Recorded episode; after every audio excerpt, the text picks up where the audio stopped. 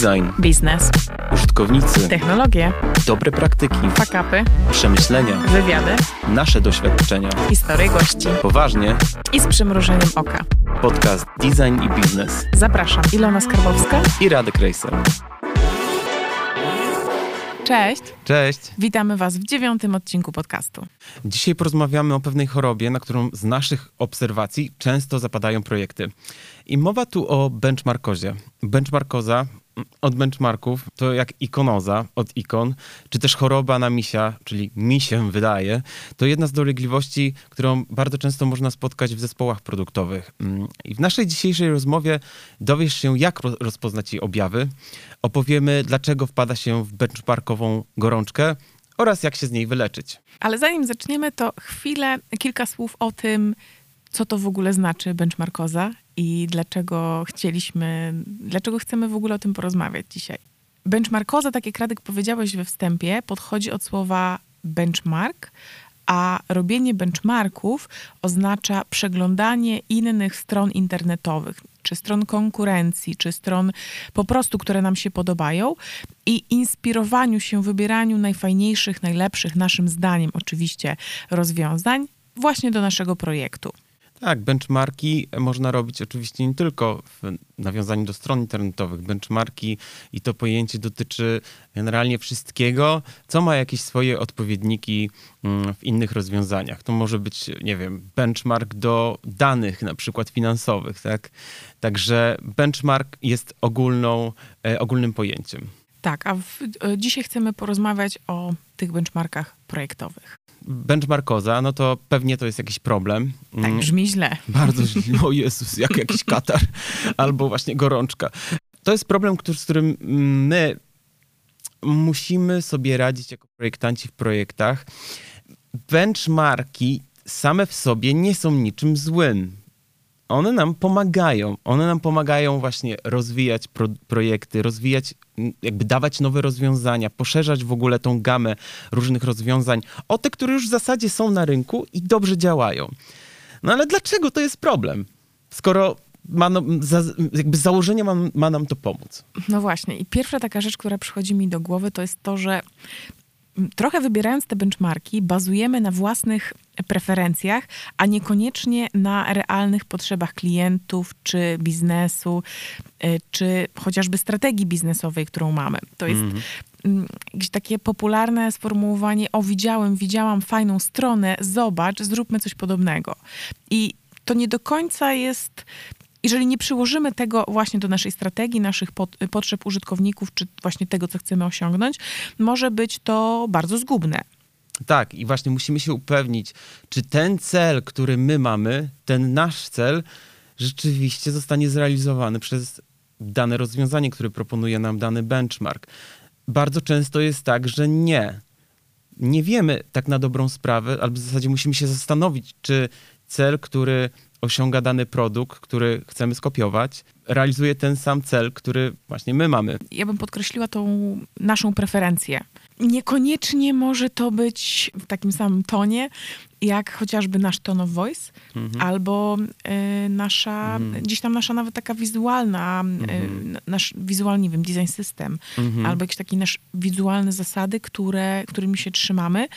To nie znaczy, że absolutnie mamy nic nie zmieniać i jak ktoś robi coś lepiej, to, to, to nie poprawiać u siebie, ale tak rzetelnie spojrzeć, czy czy to do nas pasuje po prostu. A te benchmarki, tak jak powiedziałam, często wybieramy, no bo mi się podoba, to jest fajne. W sumie każdemu się podoba coś innego. No i właśnie, jeśli cierpimy na chorobę misia, no to ten mi się wydaje, czyli nasze preferencje, o których mówiłaś, właśnie tutaj występują, tak? Idziemy zamiast, nie preferencjami, ale może zamiast kierunkować to cel, realizację celu biznesowego, idziemy w realizację moich własnych upodobań. No i tak, żeby tego uniknąć, warto sprawdzać podczas researchu, z jakich rozwiązań twoi użytkownicy, innych rozwiązań, twoi użytkownicy realnie korzystają i co w nich lubią. Należy też wziąć poprawkę na to, że użytkownicy mogą z czegoś korzystać, ale niekoniecznie to lubić. Czasami korzystanie z czegoś to zło konieczne, aby osiągnąć pewien cel. I tutaj mówiliśmy w poprzednim podcaście, że niektórzy są po prostu zakładnikami pewnych rozwiązań. I Tak. pytanie wtedy, czy to jest dobry benchmark? Dokładnie. Oni tak robią, mają klientów, to zróbmy tak samo, ale tak naprawdę powielamy ten schemat, który nie jest do końca fajny dla użytkowników. A tu możemy wygrać na przykład w tym, że, żeby zrobić to lepiej. Jeżeli podczas researchu zmapujemy sobie, podczas właśnie rozmowy, użytkownicy będą mówić, że no korzystam, ale w sumie to wcale tego nie lubię, korzystam, bo muszę, bo nie mam alternatywy, to rodzi się nam jakieś takie okienko do innowacji w naszym produkcie tym kawałkiem ścieżki użytkownika możemy wygrać. Dokładnie. E, to, co też przychodzi mi do głowy, e, co jest taką oczywistą rzeczą, ale nie zawsze o tym myślimy właśnie podczas robienia benchmarków, a mianowicie to, że te benchmarki patrzą trochę wstecz, a nie do przodu. I to jest wiedza, mm, no nie chcę powiedzieć sprzed kilku lat, ale czasami może tak być, jeżeli inspirujemy się stronami, które powstały bardzo dawno temu, które nie są na bieżąco zmieniane, a my nie do końca wiemy, co się dzieje w środku w firmie i jak często są wprowadzone zmiany. Oczywiście, jako tacy stali użytkownicy możemy obserwować, no ale umówmy się, nikt tego nie zapisuje, nikt tego nie pamięta w takim codziennym korzystaniu. Tak, to może być wrogiem innowacji. I też nie wiemy tak na dobrą sprawę, jak dane rozwiązania performują w tym momencie, tak? Być może już nie performują. I co wtedy? I wiesz, co mi się tutaj kojarzy? Ten case Jestersena i Desy. A tak. E, czy mówiliśmy o tym w podcaście już? Mówiliśmy, ale teraz może odświeżmy to. Tak, to jest świetny przykład akurat do Y, tematu dzisiejszej rozmowy, czyli benchmarkozy, dlatego że w momencie, kiedy my projektowaliśmy nowy wygląd, nowy user experience dla sklepu internetowego, jakoś tak w międzyczasie, w środku naszego projektu, jedna z konkurencyjnych marek, która nie miała swojego e-commerce'u wcześniej, Desa. Wy, Desa, tak. Wystartowała z tym e-commerce'em i strona była e, kropka w kropkę skopiowana z naszego starego designu. I ja miałam wtedy taką myśl, bo już oni nie wiedzą, oni nie mają pojęcia, co się teraz dzieje w naszym projekcie, do jakich my wniosków doszliśmy po właśnie rozmowach z użytkownikami, ale też po spojrzeniu w e, dane wewnętrzne i e, po właśnie takim zainspirowaniu się tym, co się dzieje na rynku, czyli znowu benchmarkami, ale nie benchmarkami sklepu, który miał kilka lat, tylko bardziej trendami, bardziej. A pamiętasz, jak y, byliśmy w, właśnie w trakcie e, projektowania tego frontu i patrzyliśmy na te benchmarki, i w międzyczasie IKEA się zmieniła? Tak, tak, też była taka sytuacja, że tak, tak, tak, tak, dokładnie. E, karta produktu, zmienili galerię karty produktu. Um, ale dlatego, że my sobie porównaliśmy bardzo dużo różnych kart produktu i róż, różnych galerii, z których wyciągnęliśmy wnioski. Zrobiliśmy dwa projekty i podczas tych dwóch, właśnie te dwa projekty pokazywaliśmy użytkownikom. My zdążyliśmy odbić te idee i wybrać taki kierunek, który będzie dla nas najlepszy, a kilka miesięcy później IKEA zrobiła coś podobnego. Tak, tak. I kompletnie oczywiście IKEA nie patrzyła na nas. Po prostu no, nie sądzę. udało się nam gdzieś wyważyć, tak? W sensie przewidzieć to, co mogą użytkownicy albo co może być lepszym rozwiązaniem niż to, co jest obecnie na rynku. Ale właśnie zawsze trzeba mieć z tyłu głowy, czy przypadkiem konkurencja już nie odkryła albo nie pracuje nad rozwiązaniami, które poprawią tak naprawdę ich własne, tak? Ich własne produkty. Tak, więc tutaj mi się nasuwa kolejna pułapka z robieniem benchmarków. To jest przekopiowywanie ich jeden do jednego do naszego biznesu. I mówiąc o tej IKEA, moglibyśmy wziąć ich galerię, która mogłaby się wydać, ok, taka duża marka, na pewno robi bardzo dużo badań, na pewno ma super zrobioną galerię produktu, ale jednak poszliśmy o krok dalej i zrobiliśmy kilka innych wersji, zrobiliśmy, trochę się zastanowiliśmy, co my tak naprawdę chcemy osiągnąć i ta galeria ostatecznie wygląda inaczej. Ale właśnie dlatego, że nie skopiowaliśmy jeden do jednego dużego gracza. Kolejnym objawem choroby benchmarkozy, benchmarkozy jest to, że porównujemy e, stare dane do obecnej sytuacji. To ma bardzo dużo konsekwencji, bo wyciągamy niewłaściwe wnioski. I teraz, jeżeli budujemy nasz biznes na niewłaściwych wnioskach, no to sam, konkluzja nasuwa się sama, coś tu jest mhm. nie tak. Żeby jakąś taką klamrą to też podsumować, e, myślę, że przewijają się w tych poprzednich przykładach też przewijały się rozmowy z użytkownikami. Jakby posiadanie takiego procesu, który uwzględnia w sobie zbieranie informacji zwrotnej regularnie od naszych użytkowników. Taką kolejną rzeczą, która świadczy o tym, że już jesteśmy chorzy, nieuleczalnie chorzy na benchmarkozę, to jest to, że naśladowaliśmy złe rzeczy. O nie. Byliśmy wczoraj na szkoleniu. Na szkoleniu firmy, która pomaga, pomaga w sprzedaży. Ogólnie tak. Ogólnie pomaga w sprzedaży. Fantastyczna firma, uwielbiamy. Nauczyliśmy się dużo na szkoleniu. Um, I prowadzący opowiadał o pewnym case'ie. Przyszła do niego firma, to był software house, który powiedział, że chciałby mieć jakieś rozwiązania, jakie filmy na YouTubie, bo konkurencja ma. I ten, to wyrażenie, bo konkurencja ma, jest często jedynym i nieuzasadnionym powodem, dla którego decydujemy się na to, żeby umieszczać coś w swoich produktach. Bo mają blogi, bo mają Instagrama, bo coś tam robią. Albo na karcie produktu mają przycisk y, wyszeruj ten link w social mediach, tak. który ma zerową klikalność.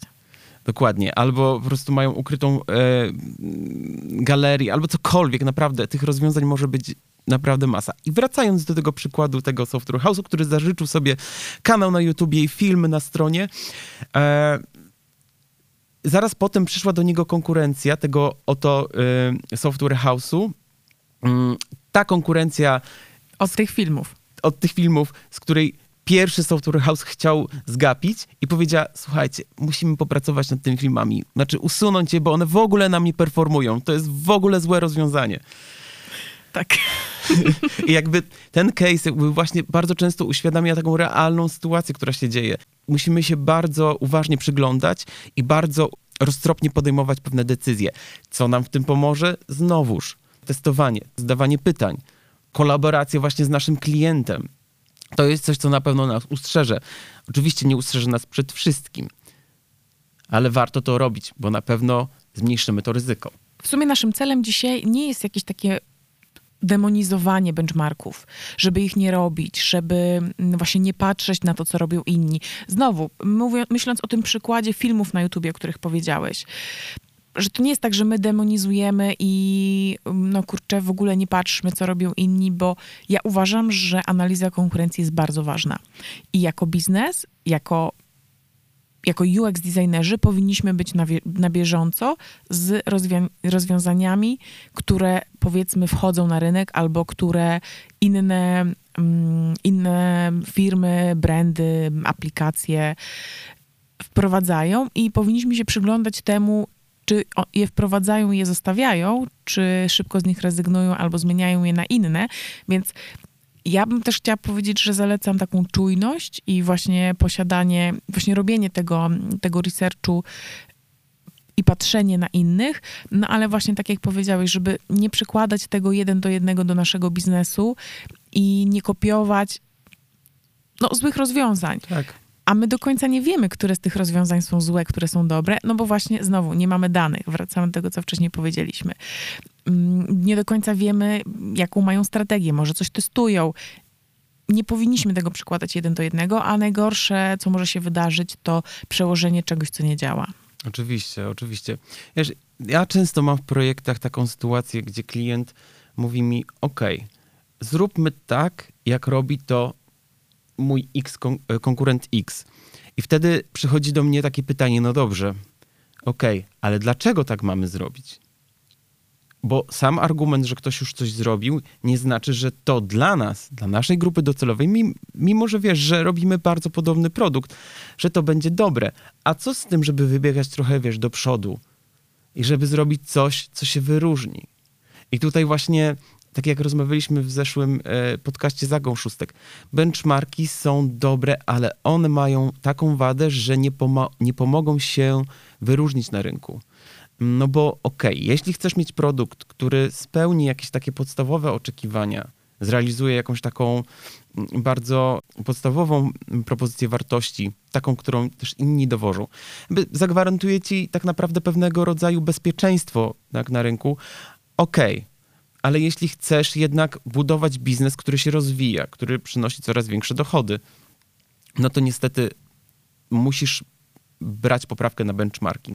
Bo tylko to spowoduje, że będziesz innowacyjny i tylko to spowoduje, że będziesz interesujący dla klienta i że przyciągniesz uwagę większej ilości klientów. Rozmawialiśmy też mm, z Ewą Wasilewską o mikrokopii.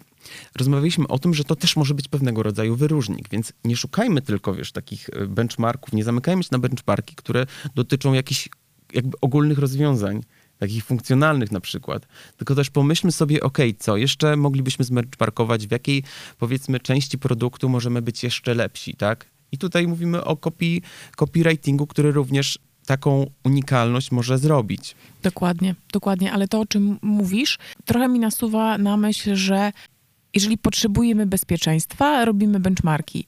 Jeżeli chcemy się wyróżnić, jeżeli chcemy być unikatowi, robimy benchmarki, ale wyciągamy z nich wnioski i projektujemy swoje rozwiązania. Okej. Okay. Benchmarki to jest jedna rzecz. Warto je robić, warto się zastanawiać, czy one, mm, które z tych rozwiązań będą spełniały nasz cel, które z tych rozwiązań tak naprawdę korzystają, czy też które z tych rozwiązań lubią nasi użytkownicy. Zbieramy je z różnych stron, to z tego, to z tego, ale kiedyś te benchmarki się skończą, tak? Kiedyś te benchmarki wysycimy. Powiedzmy, w procesie szukania tej unikalności benchmarki nam nie wystarczą, to co dalej? Ano dalej analogiczne rozwiązania, bo benchmarki dotyczą konkretnych podobnych rozwiązań. Natomiast analogiczne rozwiązania to są takie rozwiązania, które wykraczają trochę poza branżę, poza nasze rozwiązanie, ale w jakimś sensie są podobne. Wiesz, to jest trochę taka analogia do stadionu i do kościoła.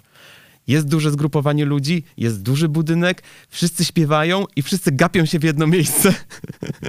I w sumie tak naprawdę można byłoby się zastanowić, jak jest zorganizowany kościół, jakich, nie wiem, elementów używa, żeby, nie wiem, skupić uwagę, jakich element, jak jest zaprojektowany kościół, żeby ludzie wychodzili, żeby się nie pogubili i w sumie można zaaplikować do czegoś takiego, czym jest stadion. Oczywiście tutaj jest mm, taki bardzo jaskrawy przykład, ale, ale on uświadamia, że naprawdę tych analogii można szukać wszędzie. Trochę to takie jest jak z metaforami. My trochę mówimy o jedzeniu, znaczy, znaczy nie o jedzeniu. Podca- w naszym podcaście dziś... często mówimy o jedzeniu, ale dzisiaj mówimy o chorobach. Dzisiaj jakoś tak, y, ponieważ jest, y, nagrywamy to w styczniu, jest taka aura chorobowa, część naszego zespołu jest chora, my też jakiś czas temu chorowaliśmy, więc chyba tak się trochę y, przykleiło to do nas. Może tak, może tak, chociaż dzisiaj też mówimy o czymś trochę niepozytywnym, tak? W sensie o, o czymś, co jest problematyczne, tak. coś, co trzeba, mm, z czym sobie trzeba poradzić. E, myśleć troszeczkę o tym, jak o, o metaforach właśnie, czyli co może być metaforą mojego rozwiązania, gdzie właśnie, gdzie mogę jeszcze znaleźć analogię.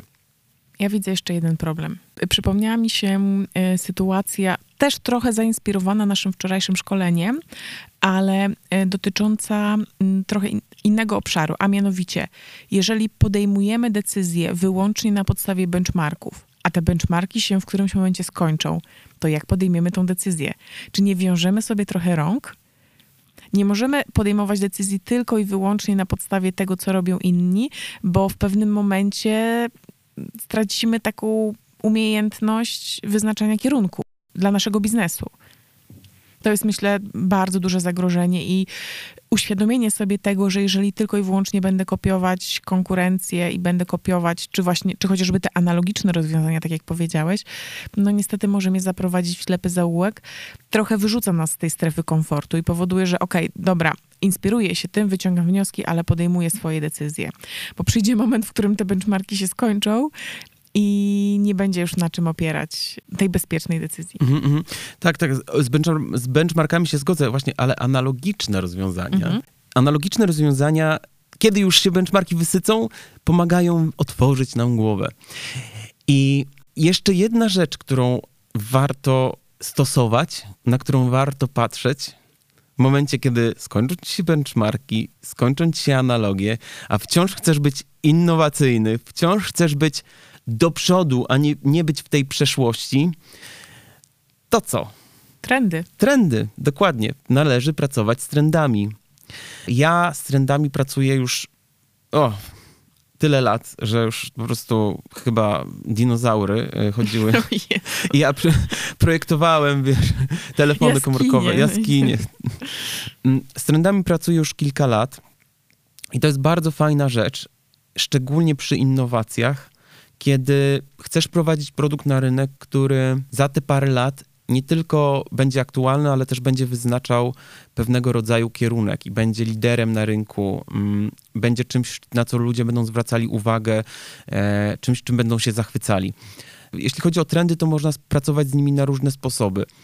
Najczęściej ja pracowałem na trendach warsztatowo, przy takich procesach partycypacyjnych, bo zazwyczaj y, przy innowacjach pracuje się właśnie w takich różnych zestawieniach i nietypowych konfiguracjach. Ale co to właśnie, znaczy? To znaczy, że wypracowujesz rozwiązanie wspólnie z interesariuszami albo z y, ostatecznymi użytkownikami rozwiązania. I to się dzieje przy jednym stole, można powiedzieć. Miałem taki projekt, innowacyjny projekt, dotyczył on Smart City, więc jak sama nazwa wskazuje, był zagnieżdżony gdzieś w przyszłości. I tam właśnie pracowaliśmy z interesariuszami na, no, na dowiezieniu tego produktu cyfrowego, bo to miał być produkt cyfrowy. Pracowaliśmy tam w metodzie design thinkingowej. Ten cały proces był bardzo dobrze zaprojektowany, tak sprawnie i szliśmy krok po kroku z jego um, kolejnymi etapami. No i pierwszym takim częścią eksploracyjną była praca na trendach. A więc zebraliśmy sobie różne trendy. Yy, dotyczyły one, nie wiem, trendy w nauce, trendy takie socjologiczne, trendy technologiczne, trendy żywieniowe, polityczne. To wszystkie trendy, które będą, które można sobie wyobrazić, podzielone na różne kategorie. Następnie określiliśmy sobie oś czasu. I ta oś czasu, z tego co pamiętam, miała 5, 10 i 20 lat to tego typu horyzont czasowy. I musieliśmy ustawić, oczywiście te trendy były też różne, tak? Były takie bardziej, nie wiem, polaryzacja społeczeństwa, ale też jakieś, nie wiem, nieśmiertelność. Ale to były rzeczywiście trendy różnej skali i musieliśmy, pierwsze ćwiczenie polegało na tym, że musieliśmy właśnie na tej osi czasu poukładać te trendy, czyli co się wydarzy za 5 lat, co się wydarzy za 10, a co się wydarzy za 20 lat, a co się w ogóle nie wydarzy. Czyli ten świat, w którym ten nasz produkt cyfrowy będzie osadzony. No i na bazie tego mieliśmy tak naprawdę pewnego rodzaju wymogi, wytyczne, do jakiego świata my będziemy się odnosić. No bo to jest innowacja, tak trochę trudno, y, badając potrzeby użytkowników, którzy teraz są, przewidzieć, y, jak oni będą wyglądać, czego będą potrzebować tuż, y, za te pięć lat. Dokładnie. I teraz nawiązując do tego, co powiedziałeś, możemy pięknie na osi czasu ułożyć te wszystkie aktywności, które robimy w produkcie, czyli robienie benchmarków. To jest coś, co robimy teraz, w obecnej sytuacji, żeby się w jakiś sposób zainspirować, spojrzeć, co robi konkurencja, czy właśnie analogiczne rozwiązania. E, potem rozmawiamy z naszymi użytkownikami, zderzamy to, miksujemy, na podstawie tego robimy jakieś koncepcje, które poprawią nasz produkt tu i teraz, ale jeżeli chcemy projekt żeby nasz produkt się czymś wyróżniał, musimy patrzeć w, szerszej, w szerszym horyzoncie czasowym. Pracujemy wysokopoziomowo na trendach, tak jak powiedziałeś, czyli to, co zrobiliście akurat w tym przypadku przy Smart City, gdzie zebraliście sobie trendy i układaliście je na osi czasu, wyobrażając sobie, jak to będzie wyglądać. I to jest idealne podsumowanie tego, w jaki sposób powinniśmy planować poszczególne elementy naszego produktu. Jeżeli robimy coś na teraz, jeżeli zmieniamy to coś w tym roku, w przyszłym roku, to patrzmy na benchmarki, rozmawiajmy z użytkownikami, ale jeżeli patrzymy w przyszłość, musimy pracować na trendach. Tak, myślę sobie nawet, że jeśli nie jesteśmy osadzeni w jakiejś dalekiej przyszłości, to i tak warto robić to ćwiczenie. W ogóle to, co jest istotne jeszcze w trendach, co wspomniałem, to jest to, że my nie możemy patrzeć na produkt z jednej perspektywy, nie wiem, perspektywy trendów w produktach cyfrowych, tak? Tylko też jakby wszystkiego naokoło, tak? No bo przyjdzie wojna i nasz biznes nie będzie jakby funkcjonował w ten sposób, który sobie wyobraziliśmy. Albo przyjdzie jakaś nowa technologia, Web 3.0 i pojawią się jakieś nowe możliwości, też trzeba będzie ten biznes jakoś osadzić tam albo wykorzystać tą możliwość. E, więc e, myślę, że to jest duża wartość trendów. Tylko tak jak mówię, trzeba pracować na różnych kategoriach trendów. Tak, na różnych poziomach. To co? Podsumowujemy? Tak. Przechodząc do podsumowania. Pamiętajcie, że opieranie się wyłącznie na benchmarkach zdiagnozowaliśmy dzisiaj jako chorobę. Benchmarkozę. benchmarkozę, uleganie jej może przynieść negatywne konsekwencje dla waszego biznesu. Dlatego warto, a nawet i trzeba, zderzać to z innymi, innym rodzajem e, danych, czyli danymi od użytkowników, danymi z researchu, z rozmowy z użytkownikami czy z ankiet, z danych ilościowych, które mamy e, w naszym produkcie. E, Pamiętajcie o tym też, że benchmarki to nie jest nic złego. Jeżeli zbieracie je, patrzycie na konkurencję, to jest absolutnie dobra rzecz, tylko nie może to być nasze jedyne źródło informacji, źródło do podejmowania decyzji. Pamiętajcie też o tym, że warto pracować z trendami i poza benchmarkami są też inne formy, które mogą nas zainspirować i popchnąć nasz produkt do przodu. Dziękujemy Wam bardzo, że byliście dzisiaj z nami. Zapraszamy Was do odsłuchania naszych pozostałych odcinków. Do usłyszenia. Do usłyszenia.